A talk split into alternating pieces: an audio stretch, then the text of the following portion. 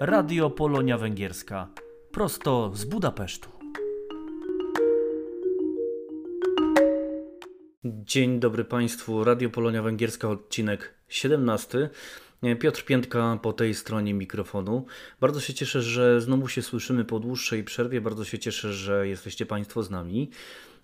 Trochę mniej nas cieszą okoliczności, okoliczności, które nas dopadły właśnie 1 września. 1 września, kiedy, kiedy nagrywamy ten odcinek y, naszego podcastu, e, jak Państwo wiecie, mm, my, Polonia Węgierska, troszeczkę zostaliśmy odcięci od świata. Węgry e, zamknęły swoją granicę związaną z koronawirusem.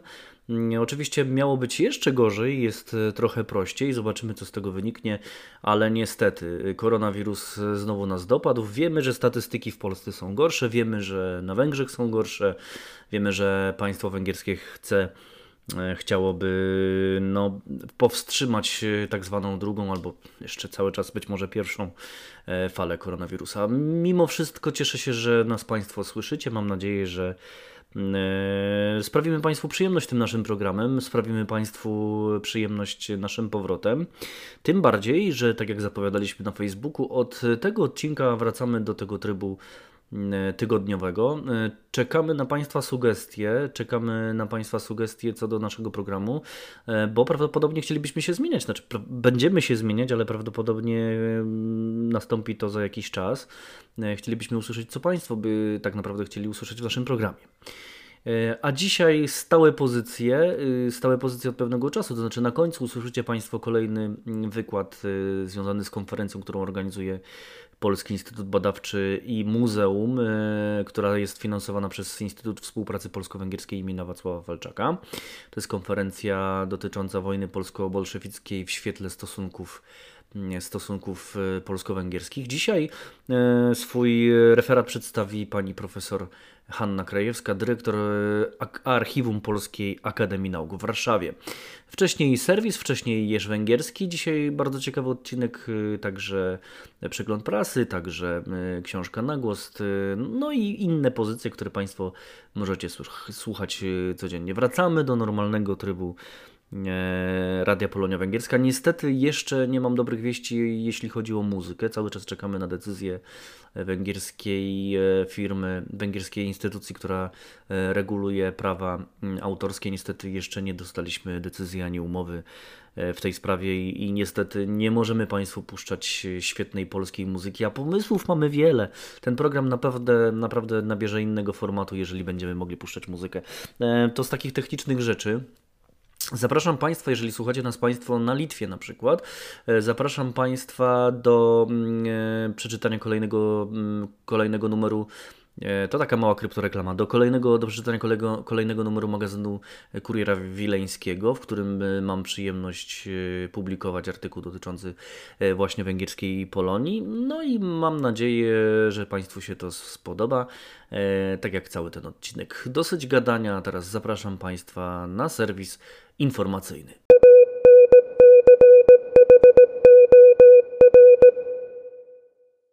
Wiadomości polonijne. Ten serwis rozpoczynamy od ważnej informacji dla osób chcących podróżować na Węgry. 1 września Węgrzy zamykają swoje granice dla wszystkich cudzoziemców. Wjazd będzie możliwy jedynie w wyjątkowych i uzasadnionych przypadkach, np. małżeństwa z obywatelem Węgier. Pozwolenie na wjazd udziela komendant główny policji. Studenci zagraniczni, którzy studiują na Węgrzech po przekroczeniu granicy, będą musieli poddać się 14-dniowej kwarantannie. Tranzyt przez Węgry pozostaje bez zmian, a podróże służbowe będą możliwe dla pracowników spółek powiązanych ze sobą.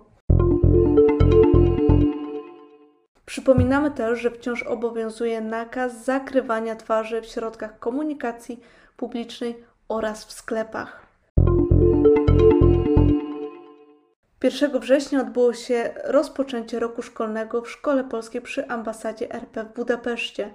Również w tym tygodniu do szkoły wracają uczniowie Ogólnokrajowej Szkoły Polskiej na Węgrzech, oczywiście przy zachowaniu reżimu sanitarnego.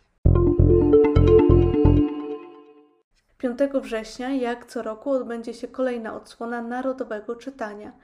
tym roku w Polsce i w miejscach, gdzie mieszkają Polacy i Polonia, odczytywana będzie balladyna Juliusza Słowackiego. W Budapeszcie do akcji dołącza się Polonia Nowa. Więcej informacji znajdą Państwo na facebookowym profilu Polonii Nowej. I tą informacją kończymy ten serwis informacyjny. Do usłyszenia.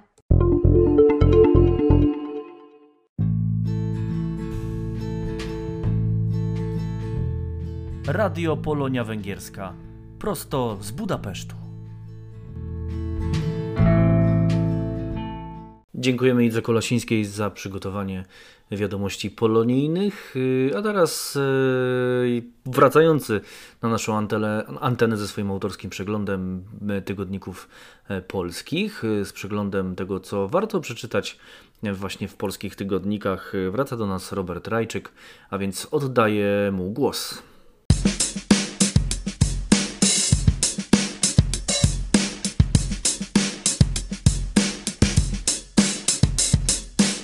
Przeziębienie, grypa i koronawirus jednocześnie? Scenariusze pandemicznej jesieni rysuje w najnowszym wydaniu tygodnika Newsweek Dorota Romanowska.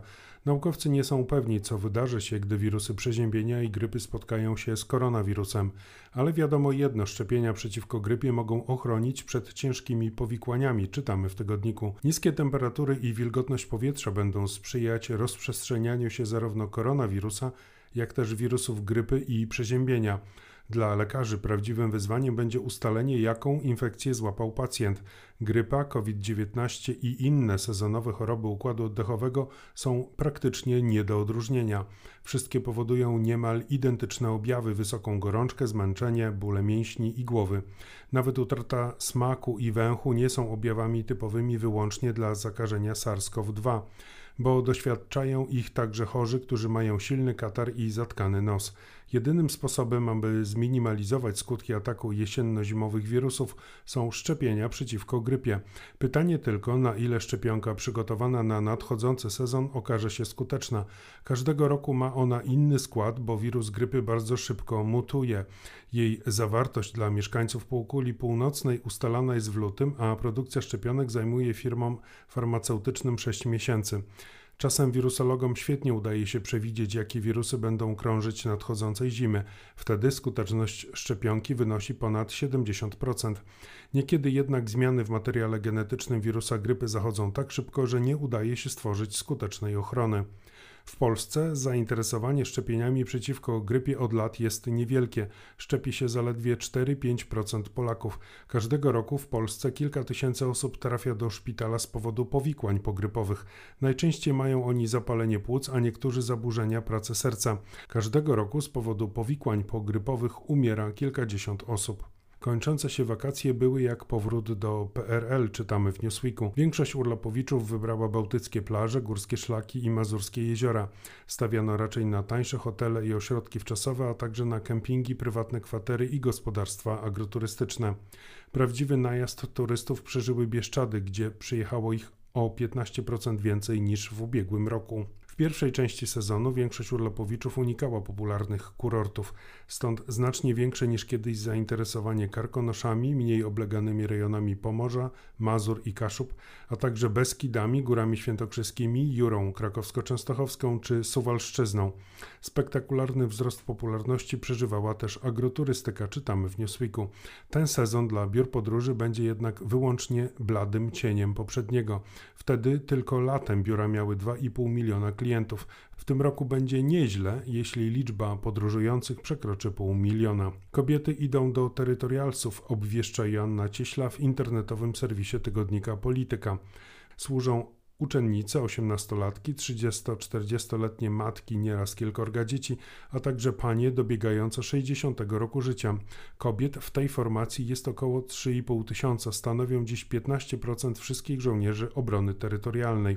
Ponad pół tysiąca z kobiet zawodowych żołnierzy i ochotniczek ma stopień podoficerski lub oficerski. Kwalifikacje do obrony terytorialnej to badania lekarskie, psychologiczne i testy sprawnościowe.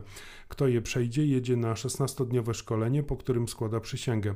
W ciągu kolejnych trzech lat ochotnicy i ochotniczki szkolą się co miesiąc przez weekend, a ponadto raz w roku przez dwa tygodnie na poligonie.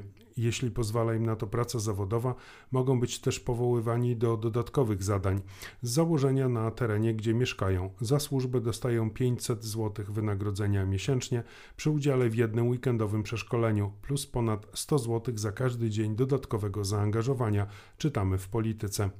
Niezbędna do życia, niezastąpiona. Niestety często o niej zapominamy. Specjaliści biją na alarm. Pijemy za mało wody, za mało dajemy jej też naszym dzieciom.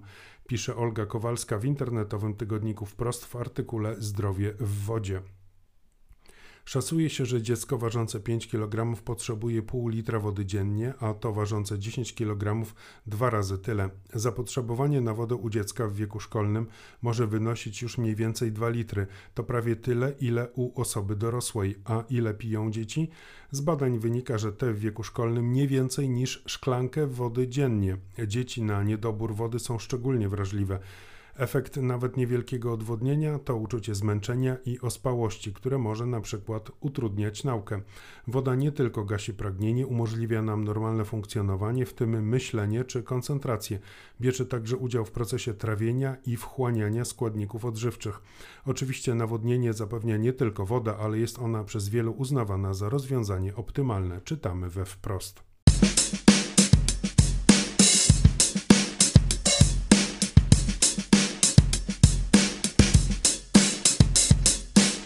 Doktor Robert Rajczyk, jak zwykle, zarzucił nas ciekawymi artykułami z polskiej prasy, ciekawymi artykułami z polskich tygodników. No a teraz ciekawa historia. I ta historia mm, dzisiaj bardzo mocno związana z Polakami, ale Jerzy Celichowski przewrotnie o Polakach będzie mówił wbrew pozorom dość mało. E, o co chodzi? Proszę posłuchać kolejny felieton Jerzego Celichowskiego, e, który swój blog nazwał Jerzem Węgierskim, a ten cykl e, tutaj w naszym podcaście Radio Polonia Węgierska nazywa się Jerz Węgierski w Eterze.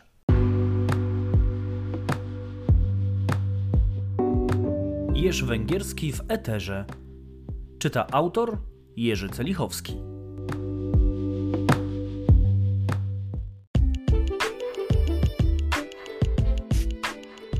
Kybania to po węgiersku kamieniołom. Choć dzielnica tak się nazywa, pierwotnie był to region winny. Zbocze znajdujące się tam starej góry, Ucheć, pokryte były winnicami. Wino tu wytwarzane podobno było na tyle dobre, że zdarzało się, że gorszy produkt sprzedawano we Wiedniu jako kubański, taka była to marka. W połowie XIX wieku w Kubanii pojawił się przemysł. Winiarze patrzyli na to krzywym okiem, ale ich protesty na nic się nie zdały. Władze miasta usunęły początkowe ograniczenia dla budowy zakładów przemysłowych. Epidemia filoksery zadała winiarstwu ostateczny cios. Ważną gałęzią przemysłu były kamieniołomy. Wydobywano tu łatwo dostępny wapień, którego używano do budowy dynamicznie rozwijającego się wówczas miasta. Pewnego razu część wyrobiska zapadła się. Całość równo obsunęła się, winnica leżąca nad piwnicą po prostu znajdowała się parę metrów niżej, jak gdyby nic się nie stało. Efekt obsunięcia był mocno odczuwalny pod ziemią. Podmuch wybijał drzwi, szyby, rzucił o ścianę wóz zaprzężony wołami. Powstałe piwnice przyciągnęły piwowarów, którzy zobaczyli w nich idealne środowisko do produkcji piwa. W czasach, gdy nie istniały przemysłowe lodówki, pomieszczenia o stałej niskiej temperaturze były szczególnie cenne. Wydobycie kamienia kontynuowano jeszcze przez jakiś czas, tworząc regularną siatkę korytarzy z odnogami, aż w końcu tańsza cegła wyparła kamień jako materiał budowlany. Pod koniec wojny przeniesiono tu produkcję lotniczą ze zbombardowanych zakładów na Czepelu. Koniec socjalizmu przyniósł też koniec wykorzystywania piwnic. W tej chwili służą one jedynie celom turystycznym, czasami odbywają się tam wyścigi rowerowe. Samorząd szuka pomysłów na wykorzystanie podziemi, które są dla niego ciężarem. Sama dzielnica leżąca nad podziemiami była długo synonimem nędzy. Ulice były niebrukowane, ciemne i niebezpieczne, a warunki mieszkaniowe fatalne. To właśnie tu oraz w Budafok mieściły się jaskinie, w których aż do 50 lat mieszkali ludzie. Mieszkańcy cierpieli z powodu szeregu chorób, pracownicy kamieniołomu z powodu bylicy, dzieci krzywicy, wszyscy gruźlicy. Piwnicę można dziś zwiedzać. Warto, choćby dlatego, że to tu kiedyś pracowali i mieszkali Polacy.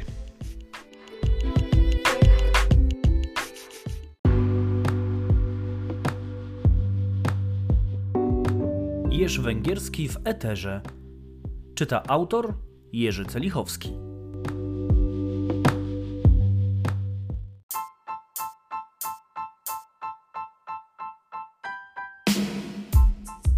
Radio Polonia Węgierska. Prosto z Budapesztu.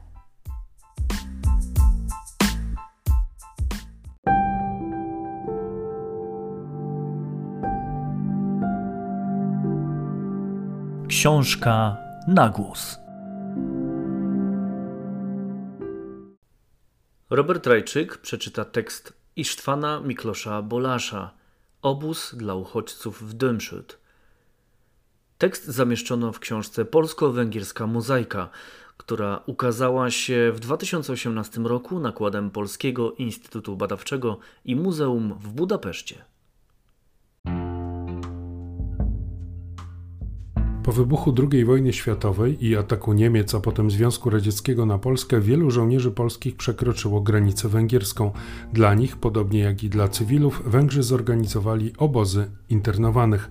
Tak też powstał obóz w Dymszyt, który należy do raczej mało znanych w porównaniu z innymi, częściej wspominanymi w historiach uchodźców, pomimo że żyjący tu Polacy poza pamięcią mieszkańców zostawili także bardziej namacalne ślady swojej obecności. W kościele pod wezwaniem świętego Marcina znajduje się kopia częstochowskiego obrazu Czarnej Madonny. Innym obiektem świadczącym o interesującej przeszłości miejscowości Dymszyt jest ołtarz boczny z dwoma godłami węgierskim i polskim obok siebie, który po przeniesieniu z kościoła w Peszt Erszybet został odnowiony przez polskich uchodźców. Obóz w Dymszyt powstał już na przełomie września i października 1939 roku i dotrwał aż do przejęcia władzy przez strzałokrzyżowców w 1944 roku. Był więc jednym z 21 obozów, które nie zostały zlikwidowane po masowej ewakuacji polskich żołnierzy na zachód. Wcześniej w całym kraju funkcjonowało 141 obozów, którą to liczbę władze węgierskie ciągle starały się pomniejszyć, co udało się dopiero wtedy, gdy wspólnie z biurem ewidencyjnym przy polskim przedstawicielstwie wojskowym zorganizowano akcję przerzucenia łącznie 30 tysięcy ludzi wraz z cywilami do Francji i do Wielkiej Brytanii do armii polskiej. Według danych uzyskanych podczas spisu z lutego 1940 roku obóz w Dymszyt zamieszkiwało 178 żołnierzy. Nie należał więc on do największych. Interesujące jest pytanie, jak rozwiązywano problem zakwaterowania, zwłaszcza, że dla wielu miejscowości napływ uchodźców stwarzał duże trudności. W związku z tym polscy żołnierze byli kwaterowani tylko w wyznaczonych strefach, np. w Lengeltoti był to zamek Zici, a w Tapiosele wyznaczono dla nich miejsce w magazynie ziarna. W Dymszyt Polaków najpierw umieszczono w obiekcie przemysłowo-gospodarczym, a potem oddano do ich użytku gospodę, gdzie znajdowało się także kasyno. Był to przestronny budynek, gdzie przy portretach Bema, Dębińskiego, Wysockiego i Woronieckiego na ścianach polscy żołnierze mogli czuć się jak w domu. O spokojnym życiu i przyjacielskiej atmosferze pisze w swoich wspomnieniach podporucznik Paweł Stępkiewicz, którego przeniesiono tutaj razem z innymi internowanymi w 1943 roku ze zlikwidowanego obozu w Rakoszczobo. Stępkiewicz podkreśla, że tutejsza inteligencja chętnie gościła Polaków w domach, co więcej razem organizowano obchody święta 3 maja. Duże wrażenie na Stępkiewiczu wywarło współczucie okazane przez Węgrów Polakom na wieść o tragicznej śmierci generała Władysława Sikorskiego w katastrofie lotniczej pod Gibraltarem 4 lipca 1943 roku. Po nabożeństwie na zgromadzeniu pojawili się także i Węgrzy, którzy razem z Polakami wysłuchali wiersza polskiego oficera Zdzisława Czajkowskiego, napisanego pod wpływem tych wydarzeń. Naród przed Twoim cieniem chyli głowy z wdzięcznością wielką, z serca poruszeniem. Tyś się wolności stał wyrazem, nowym wcieleniem.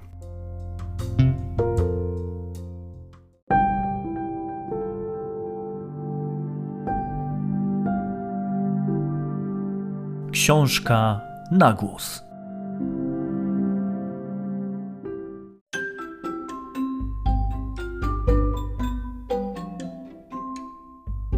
Urywki historii. Cykl przygotowany przez Polski Instytut Badawczy i Muzeum w Budapeszcie.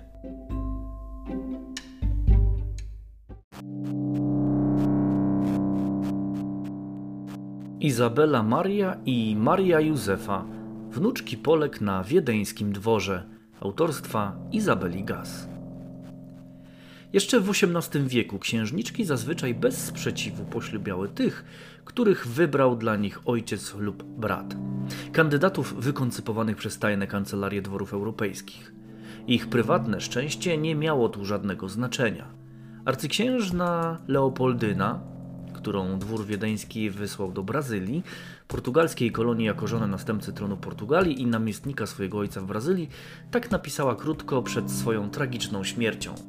My, biedne księżniczki, jesteśmy podobne do kości do gry, które się rzuca, mówiąc szczęście albo nieszczęście. Izabela Parmeńska i Józefa Bawarska, dwie żony cesarza Józefa II. Każdej z nich babką była Polka. Izabeli, Maria Leszczyńska, królowa Francji, a Józefy Teresa Kunegunda Sobieska, elektorowa Bawarii. Dla obu los wybrał kostkę symbolizującą nieszczęście. Izabela Maria, urodzona w 1741 roku, zmarła w 1763 roku, była wnuczką Marii Leszczyńskiej poprzez jej pierworodną córkę Marię Ludwigę Elżbietę, która w wieku 12 lat poślubiła Filipa, młodszego syna króla Hiszpanii. Młodzi małżonkowie mieszkali w Madrycie. Oczywiście Maria Ludwika była za młoda na to małżeństwo i była w nim nieszczęśliwa, więc kiedy tylko mogła, uciekała do ojca do Wersalu. W 1748 roku, po zakończeniu wojny o sukcesję austriacką, Austria utraciła księstwo Parmy, Piacenzy, Guastalli na rzecz Filipa, męża Marii Ludwiki. Obydwoje otrzymali tytuł książąt Parmy i stali się założycielami nowej dynastii Bourbon-Parma. Małżeństwo miało dwie córki: Izabelę i Ludwikę oraz syna Ferdynanda, przyszłego księcia Parmy. Izabela była tylko 14 lat starsza od swojej matki, a ich relacje były bardziej siostrzane niż matczyne. Kiedy Izabela dorastała na dworze książęcym w Parmie, decydowała się sprawa małżeństwa arcyksięcia Józefa, przyszłego cesarza Austrii. Według koncepcji małżeńskiej jego matki, cesarzowej Marii Teresy z żoną, przyszłego cesarza mogła być tylko księżna z domu burbońskiego. Najlepiej nadawałaby się do tego księżniczka burbońska z Neapolu, ale Parma także miała swoją księżniczkę do zaoferowania. Jednak Parma to był najmniejszy i najmniej znaczący kraj, w którym panowały odrośle Burbonów. Tak więc posłowie Neapolu i Parmy na dworze wiedeńskim działali przeciw sobie. Poseł francuski, przecież Izabela była wnuczką Ludwika XV, razem z przedstawicielem Parmy działał ramię w ramię przeciw ambasadorowi Neapolu. Dwór wiedeński, matka oblubieńca Maria Teresa znaleźli się w kłopocie. Którą wybrać? Był to rok 1760, kiedy Austria walczyła razem z Francją i Rosją z Prusami. Jak więc można było sobie pozwolić na konflikt z Francją? Wreszcie wybrał sam Józef II. Nigdy nie widział ani jednej, ani drugiej księżniczki, ale zakochał się w Izabeli na podstawie opisu jej posła, który opisywał dziewczynę z takim zapałem, że Józef II zapragnął tylko tej i żadnej innej. Ostatecznie dla cesarzowej Marii Teresy Francja była ważniejsza niż Neapol, więc pozwoliła synowi na Izabelę. Arcyksiąże Józef był zachwycony Izabelą, zwaną kwitnącym fiołkiem parmeńskim. Urzeczony był nią cały dwór wiedeński i rodzina cesarska. Maria Teresa nazywała ją szczęściem mojego życia. Izabela była piękna, była mądra, była wykształcona. Umiała dobrze liczyć, jak i grać na skrzypcach. Była znakomitą malarką, interesowała się nawet sprawami wojskowymi. Małżeństwo wiodło wzorowe życie. Młoda para spędzała wieczory przy muzyce.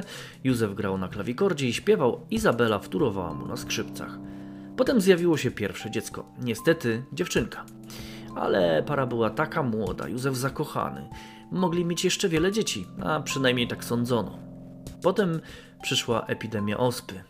Izabela była w ciąży, zachorowała na ospę, poroniła dziecko, które zmarło, a w ślad za nim poszła ona sama. Wielkie szczęście trwało trzy lata. A potem w listach Izabeli pisanych do szwagierki Marii Krystyny, w jej zapiskach, próbach literackich odkryto, jak bardzo była nieszczęśliwa w tym małżeństwie i w ogóle w życiu. Izabela była egzaltowaną marzycielką depresyjną, opętaną myślą o śmierci. Później historycy próbowali wytropić w Parmie młodzieńczą miłość Izabeli, a może homoseksualną miłość do Marii Krystyny, a może po prostu depresję? Józef II kochał Izabelę aż do śmierci, mimo to, wypełniając swój obowiązek, ożenił się po raz drugi. Dynastia domagała się dziedzica. Józef II myślał o młodszej siostrze Izabeli, Ludwice, lecz ona była już zaręczona z infantem hiszpańskim, to też musiał zrezygnować z odnalezienia w Ludwice kopii Izabeli. Wobec tego pozostawało małżeństwo polityczne. Wybór padł na księżniczkę bawarską, Marię Józefę, urodzoną w 1739 roku, zmarłą w 1767.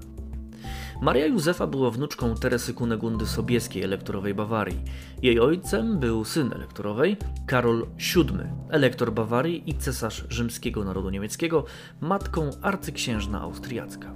Niestety, księżniczka była brzydka, niska, przysadzista, miała ropiejące rany na całym ciele i zepsute zęby. Małżeństwo to nie było udane.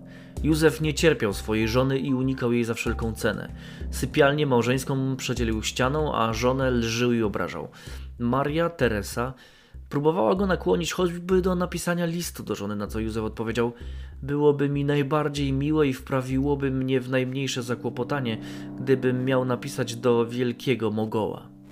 Ilekroć bowiem spojrzał na brzydką Marię Józefę, przypominała mu się piękna Izabela. Nieszczęśliwa Maria Józefa, która przecież nie była winna swojej brzydoty, doznała w tym małżeństwie właściwie tylko jednego szczęścia. Została cesarzową, a potem zaraziła się ospą i umarła. Młody cesarz nie podjął już trzeciej próby łożenku. Po jego śmierci cesarzem został jego brat, Leopold. Tak to w Wiedniu splotły się losy dwóch wnuczek Polek, pięknej i brzydkiej, ale każdej nieszczęśliwej. Ówczesny los księżniczek był godzien litości. Autorka korzystała z książek kobiety Habsburgów Helmuta Andicza, wydawnictwo Solineum, cesarzowie Habsburgów Sigrid Maria Grüsning, wydawnictwo Lira, Madame de Pompadour, wydawnictwa Świat Książki autorstwa Margaret Crossland, Rozkwit i upadek rodów sobieskich autorki Aleksandry Skrzypiec, wydawnictwo Bellona, a także Stanisław Leszczyński Edmunda Cieślaka z wydawnictwa Osolineum.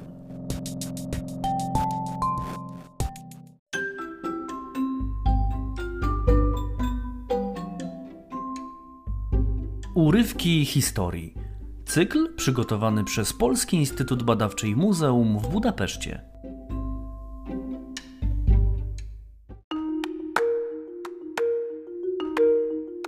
Radio Polonia Węgierska, prosto z Budapesztu.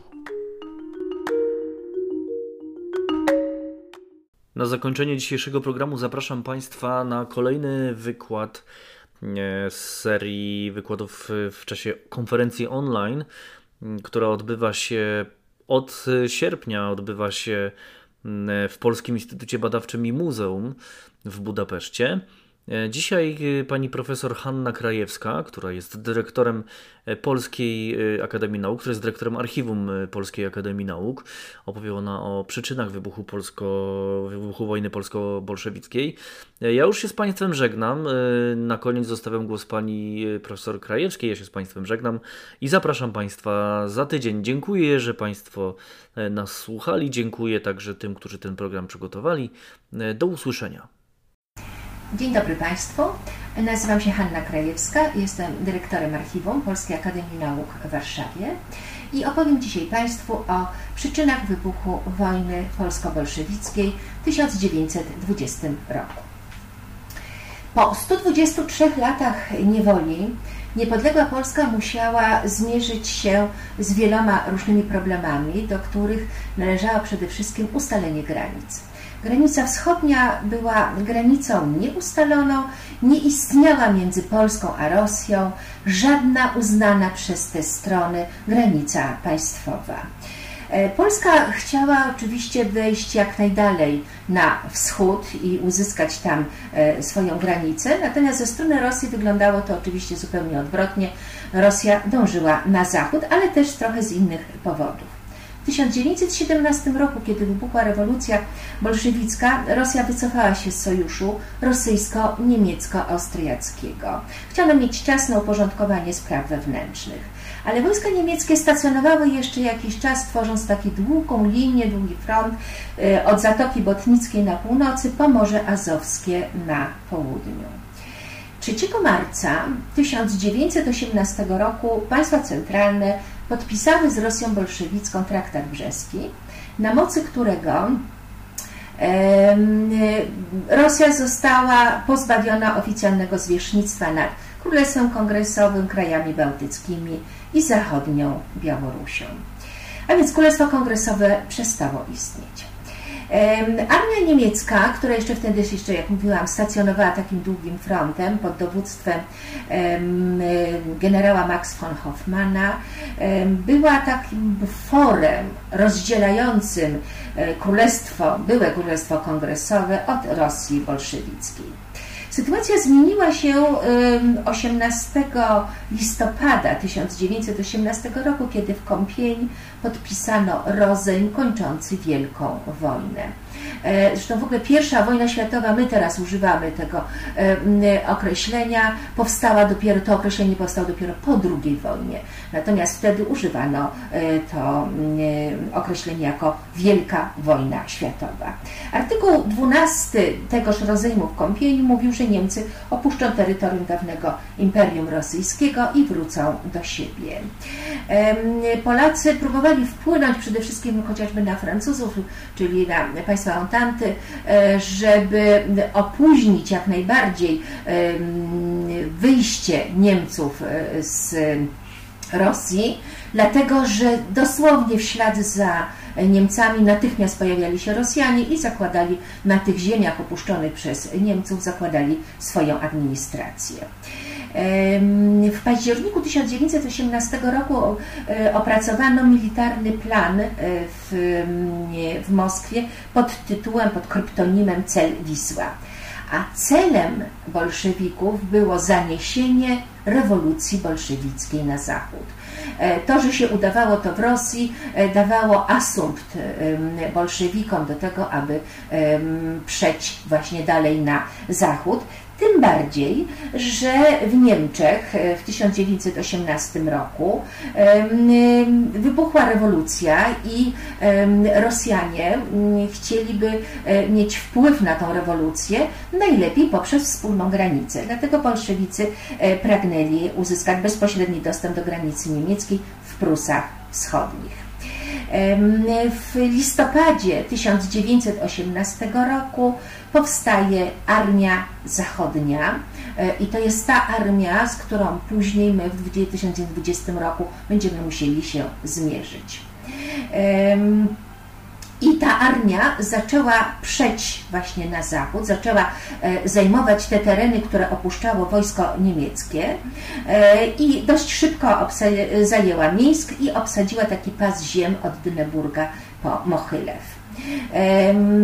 W grudniu 1918 roku jednostki sowieckie weszły w rejon Miru i Nieświeża.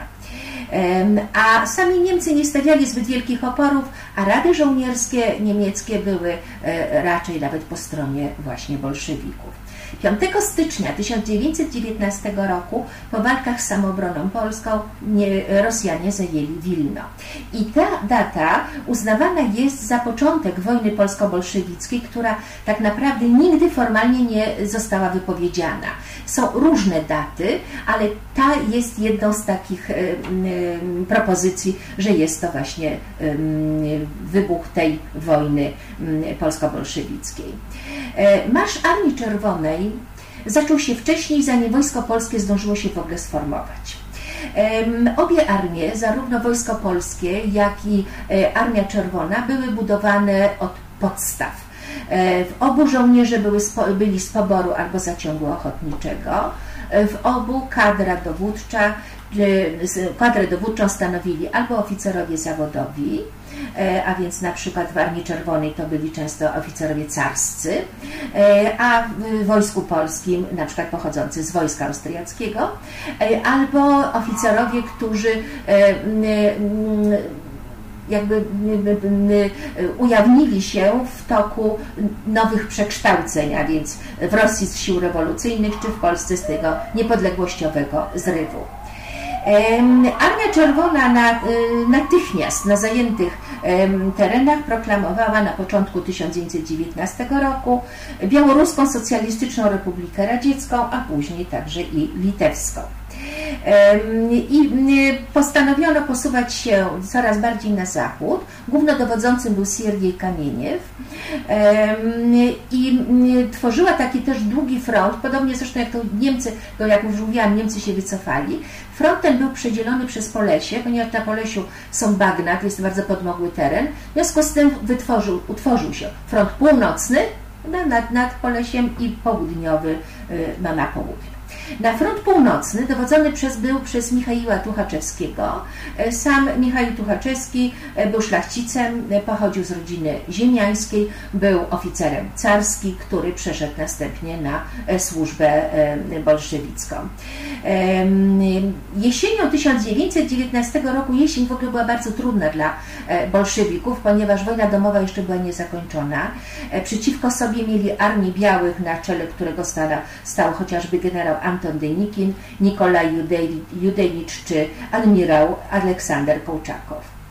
Biali, przede wszystkim Anton Denikin, zwrócili się do Józefa Piłsudskiego z prośbą o udzielenie pomocy ale nie gwarantowali, że e, po ewentualnym zwycięstwie Polska uzyska granicę daleko na wschodzie. Wręcz przeciwnie, Anton e, Denikin, zresztą e, człowiek urodzony w Łowiczu z majora sił rosyjskich i Polki, uważał, że Rosja powinna być niepodzielna i powinna być od Kalisza do Władywostoku.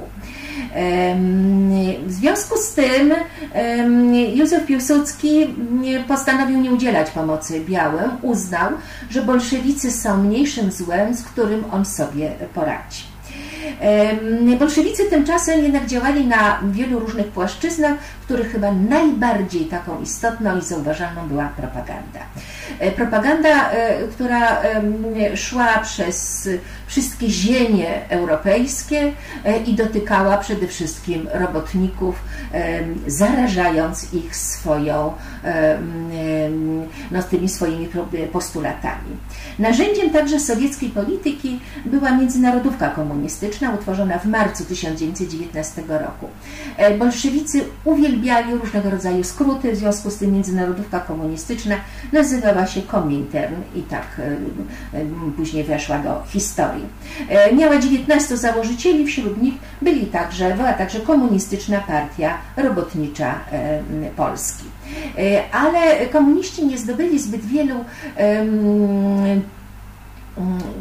chętnych do, do współpracy, ponieważ oni głosili hasła Wielkiej Rosji. Ta Polska miała się tam znaleźć po prostu Wielkiej Rosji.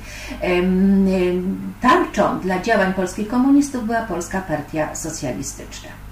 W 1919 roku można powiedzieć, że ten 1919 rok jest jakimś taką pierwszą fazą konfliktu. Jak już mówiłam, w styczniu zajęcie Wilna i Mińska, 14 lutego jest takie starcie koło miasteczka Mosty, koło Szczuczyna, e, kiedy polskie oddziały odniosły zwycięstwo i niektórzy historycy uważają, że to jest właśnie początek wojny polsko-bolszewickiej. W odwecie na zajęcie Wilna e, i Mińska w kwietniu 1919 roku oddziały polskie odbiły i Wilno, następnie Lidę, Baranowicze, Nowogródek, potem Mińsk, a także i Dyneburg, który przekazały później Łotwie. W końcu 1919 roku rewolucja została wygrana przez bolszewików i wówczas rozpoczęła się taka e, kampania przeciwko Polsce, aczkolwiek początkowo nie było to jeszcze tak bardzo widoczne, raczej do końca kwietnia 1920 roku, a więc przez jakieś 5 miesięcy, e, była taka faza, w której były nawet próby podejmowane, próby negocjacji, e, pewnego impasu.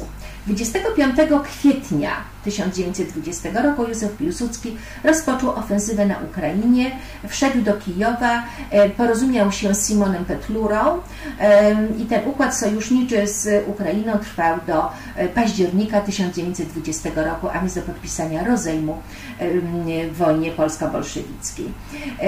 Armia Czerwona w odwecie na to rozpoczęła taką generalną ofensywę na tereny polskie. Po pierwsze z Kaukazu przerzucono pierwszą armię konną Simona Budionego. Była to bardzo mobilna armia, e, okrutna w swoich, w swoich e, działaniach e, i przedarła się na szybko na tyły armii ukraińskiej, a nawet dotarła do Lwowa i słynna jest bitwa pod Zadwórznem, to jest stacja kolejowa na przedpolu Lwowa, 17 sierpnia 1920 roku. Bitwa trwała cały dzień, z 330 obrońców Lwowa poległo 318. Nazywamy to polskimi termopilami. 20 sierpnia E, Simon Budionny wykonał wreszcie rozkaz, ten rozkaz był wcześniej do niego przyszedł, no, ale on wreszcie wykonał rozkaz, opuścił szturm Lwowa i zaczął iść przez Sokal i Zamość w kierunku e, Lublina po to, żeby potem wejść prawda, do Warszawy. Na szczęście manewr został, e, dla, szczęśliwie dla Polaków, został spóźniony i no, nie doszło do tego, żeby Budionny do tej Warszawy dotarł. Natomiast front zachodni ruszył 4 e, lipca 1920 roku i w ciągu dwóch tygodni Armia Czerwona zajęła ponownie e, te miasta, które w kwietniu zostały odzyskane przez Polaków, czyli Mińsk, Wilno, Grodno, Pińsk a w końcu lipca odrzuciła Polaków na linię Bugu i Narwi. 10 sierpnia to po prostu ten, ten atak frontu zachodniego był bardzo szybki. E, linia frontu kształtowała się na wysokości Przasnysza, Wyszkowa i Siedlec. Michał Tuchalczewski, Tuchalczewski, głównodowodzący, wydał nawet rozkaz ataku na Warszawę i opisuje się tak, że bolszewicy byli tak pewni powodzenia, że punkt czwarty tego dramatycznego rozkazu polecał 27 Dywizji Strzelców, liczącej wtedy 13 tysięcy osób, że ma wykonać główne uderzenie, przeprawić się w rejonie przedmieścia Pragi na drugi brzeg Wisły i zająć Warszawę. E, Michał Tuchaczewski, jak zresztą e, większość dowódców e, rosyjskich czy bolszewickich, były święcie przekonana, że będzie zwycięstwo nad jak oni mówili, pańską Polską. Wyszkowie, do Wyszkowa przeniósł się utworzony w lipcu tymczasowy Komitet Rewolucyjny Polski, nazywający się Pol Rewkom, y, którą tworzyli polscy komuniści Julian Marchlewski, Felix Dzierżyński czy Felix Kohn. Sytuacja międzynarodowa Polski była też bardzo skomplikowana. W lipcu 1920 roku e, wybuchło wiele strajków w różnych krajach europejskich przeciwko Polsce. Organizowane one były przez właśnie Międzynarodówkę Robotniczą. Była wielka antypolska propaganda. Robotnicy w Niemczech, Francji, Wielkiej Brytanii czy Czechosłowacji uważali, że Polska dobija robotniczą sprawę.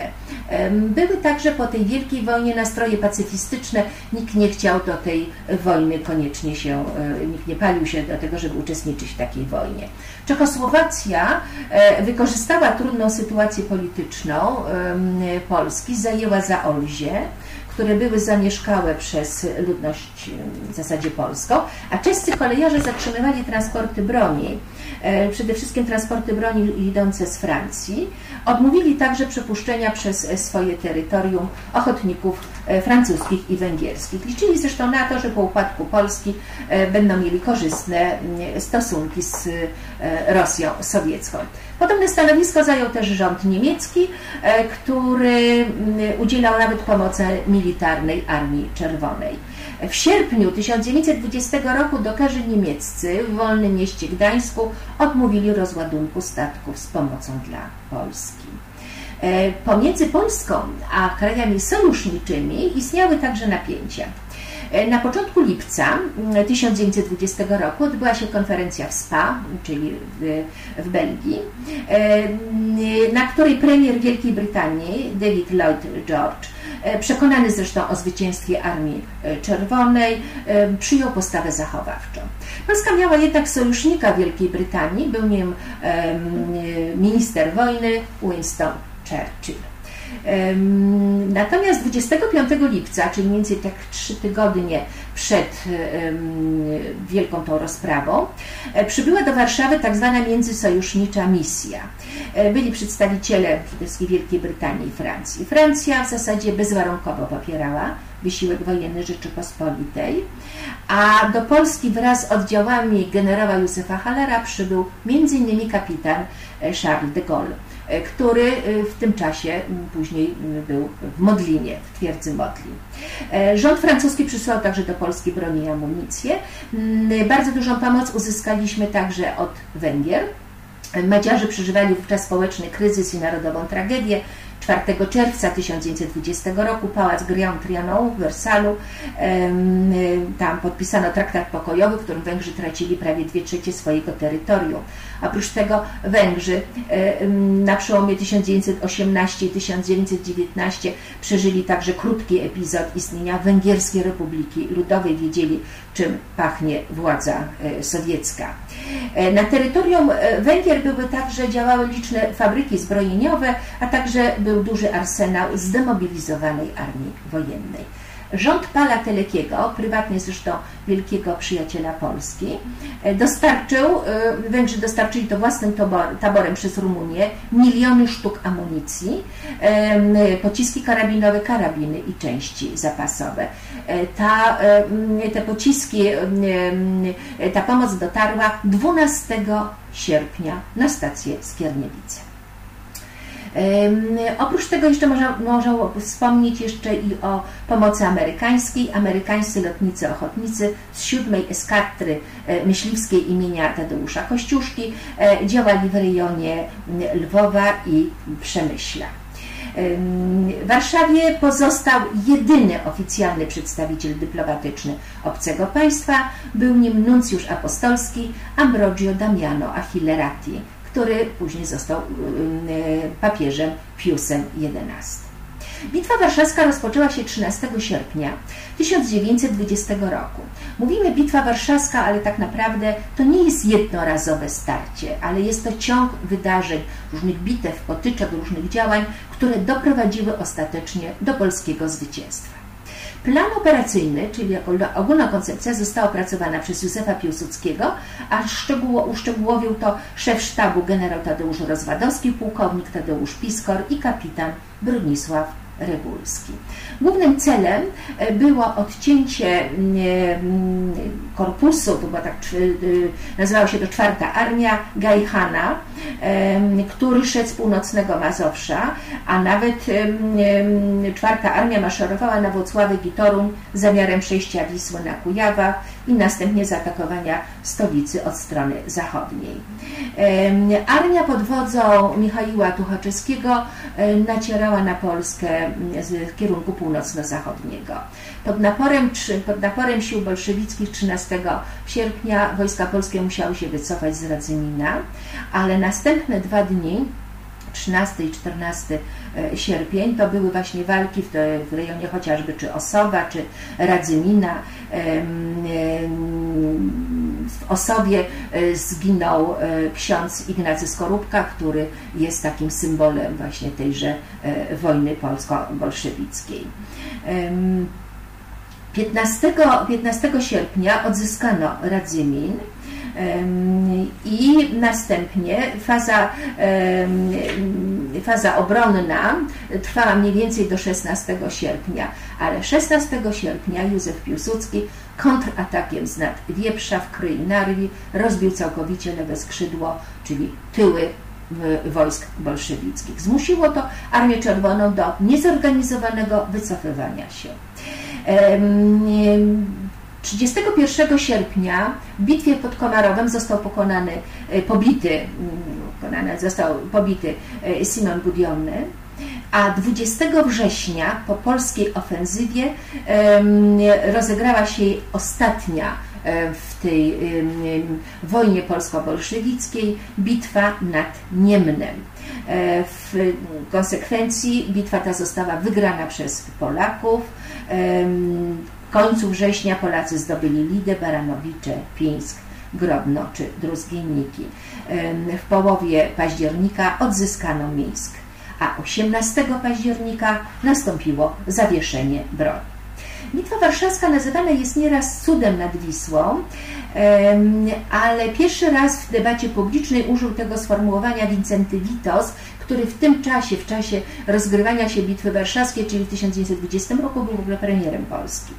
E, ponieważ był przeciwnikiem Piłsudskiego, bardzo chętnie zresztą nie tylko Witos, ale i przeciwnicy Piłsudskiego podnosili e, kwestionowali po prostu zasługi marszałka, e, twierdząc, że bitwa o Warszawę miała charakter cudu, a nie dobrej i właściwej strategii. E, Bitwa Warszawska była zwycięska dzięki no, oczywiście planom wojskowym i strategii, dzięki odwadze i waleczności Polaków, dzięki ich determinacji, dzięki mobilizacji całego e, społeczeństwa, dzięki pomocy z zewnątrz, chociażby jak już mówiłam, Francji czy Węgier, ale także dzięki różnym szczęśliwym zbiegom okoliczności. I do takich zbiegów okoliczności należy chociażby um, odkrycie Jana Kowalewskiego. Jan Kowalewski był porucznikiem. On ukończył w Belgii chemię techniczną i zupełnie przypadkowo miał kiedyś dyżur za swojego kolegę, który pracował w sekcji szyfrów. I w czasie tego dyżuru, zamiast sortować depesze, zaczął je analizować. Nie był kryptologiem, nie znał się na szyfrach. Jego wiedza o szyfrach opierała się jedynie na opowiadaniu Alana Edgarda Poe Złoty Żuk postanowił odnaleźć słowo, które według niego powinno się znaleźć w tych depeszach i taką, z takim słowem, odkrytym zresztą przez niego, ale rzeczywiście istniejącym, było słowo dywizja. Słowo to w języku rosyjskim ma trzy sylaby. Potem zaczął szukać sekwencji znaków i rozszyfrował poszczególne litery. Złamał szyfr, który nazywał się delegat. 1 e, sierpnia 1919 roku generał Józef Haller polecił mu zorganizować w tej sytuacji sekcję szyfrów, a do pomocy uzyskał najlepszych matematyków Stefana Mazurkiewicza, Wacława Sierpińskiego czy Stanisława Leśniewskiego. E, dodam też to, że Kowalewski znał jeszcze kilka języków, co mu oczywiście bardzo e, pomogło w rozszyfrowywaniu e, szyfrów w języku rosyjskim.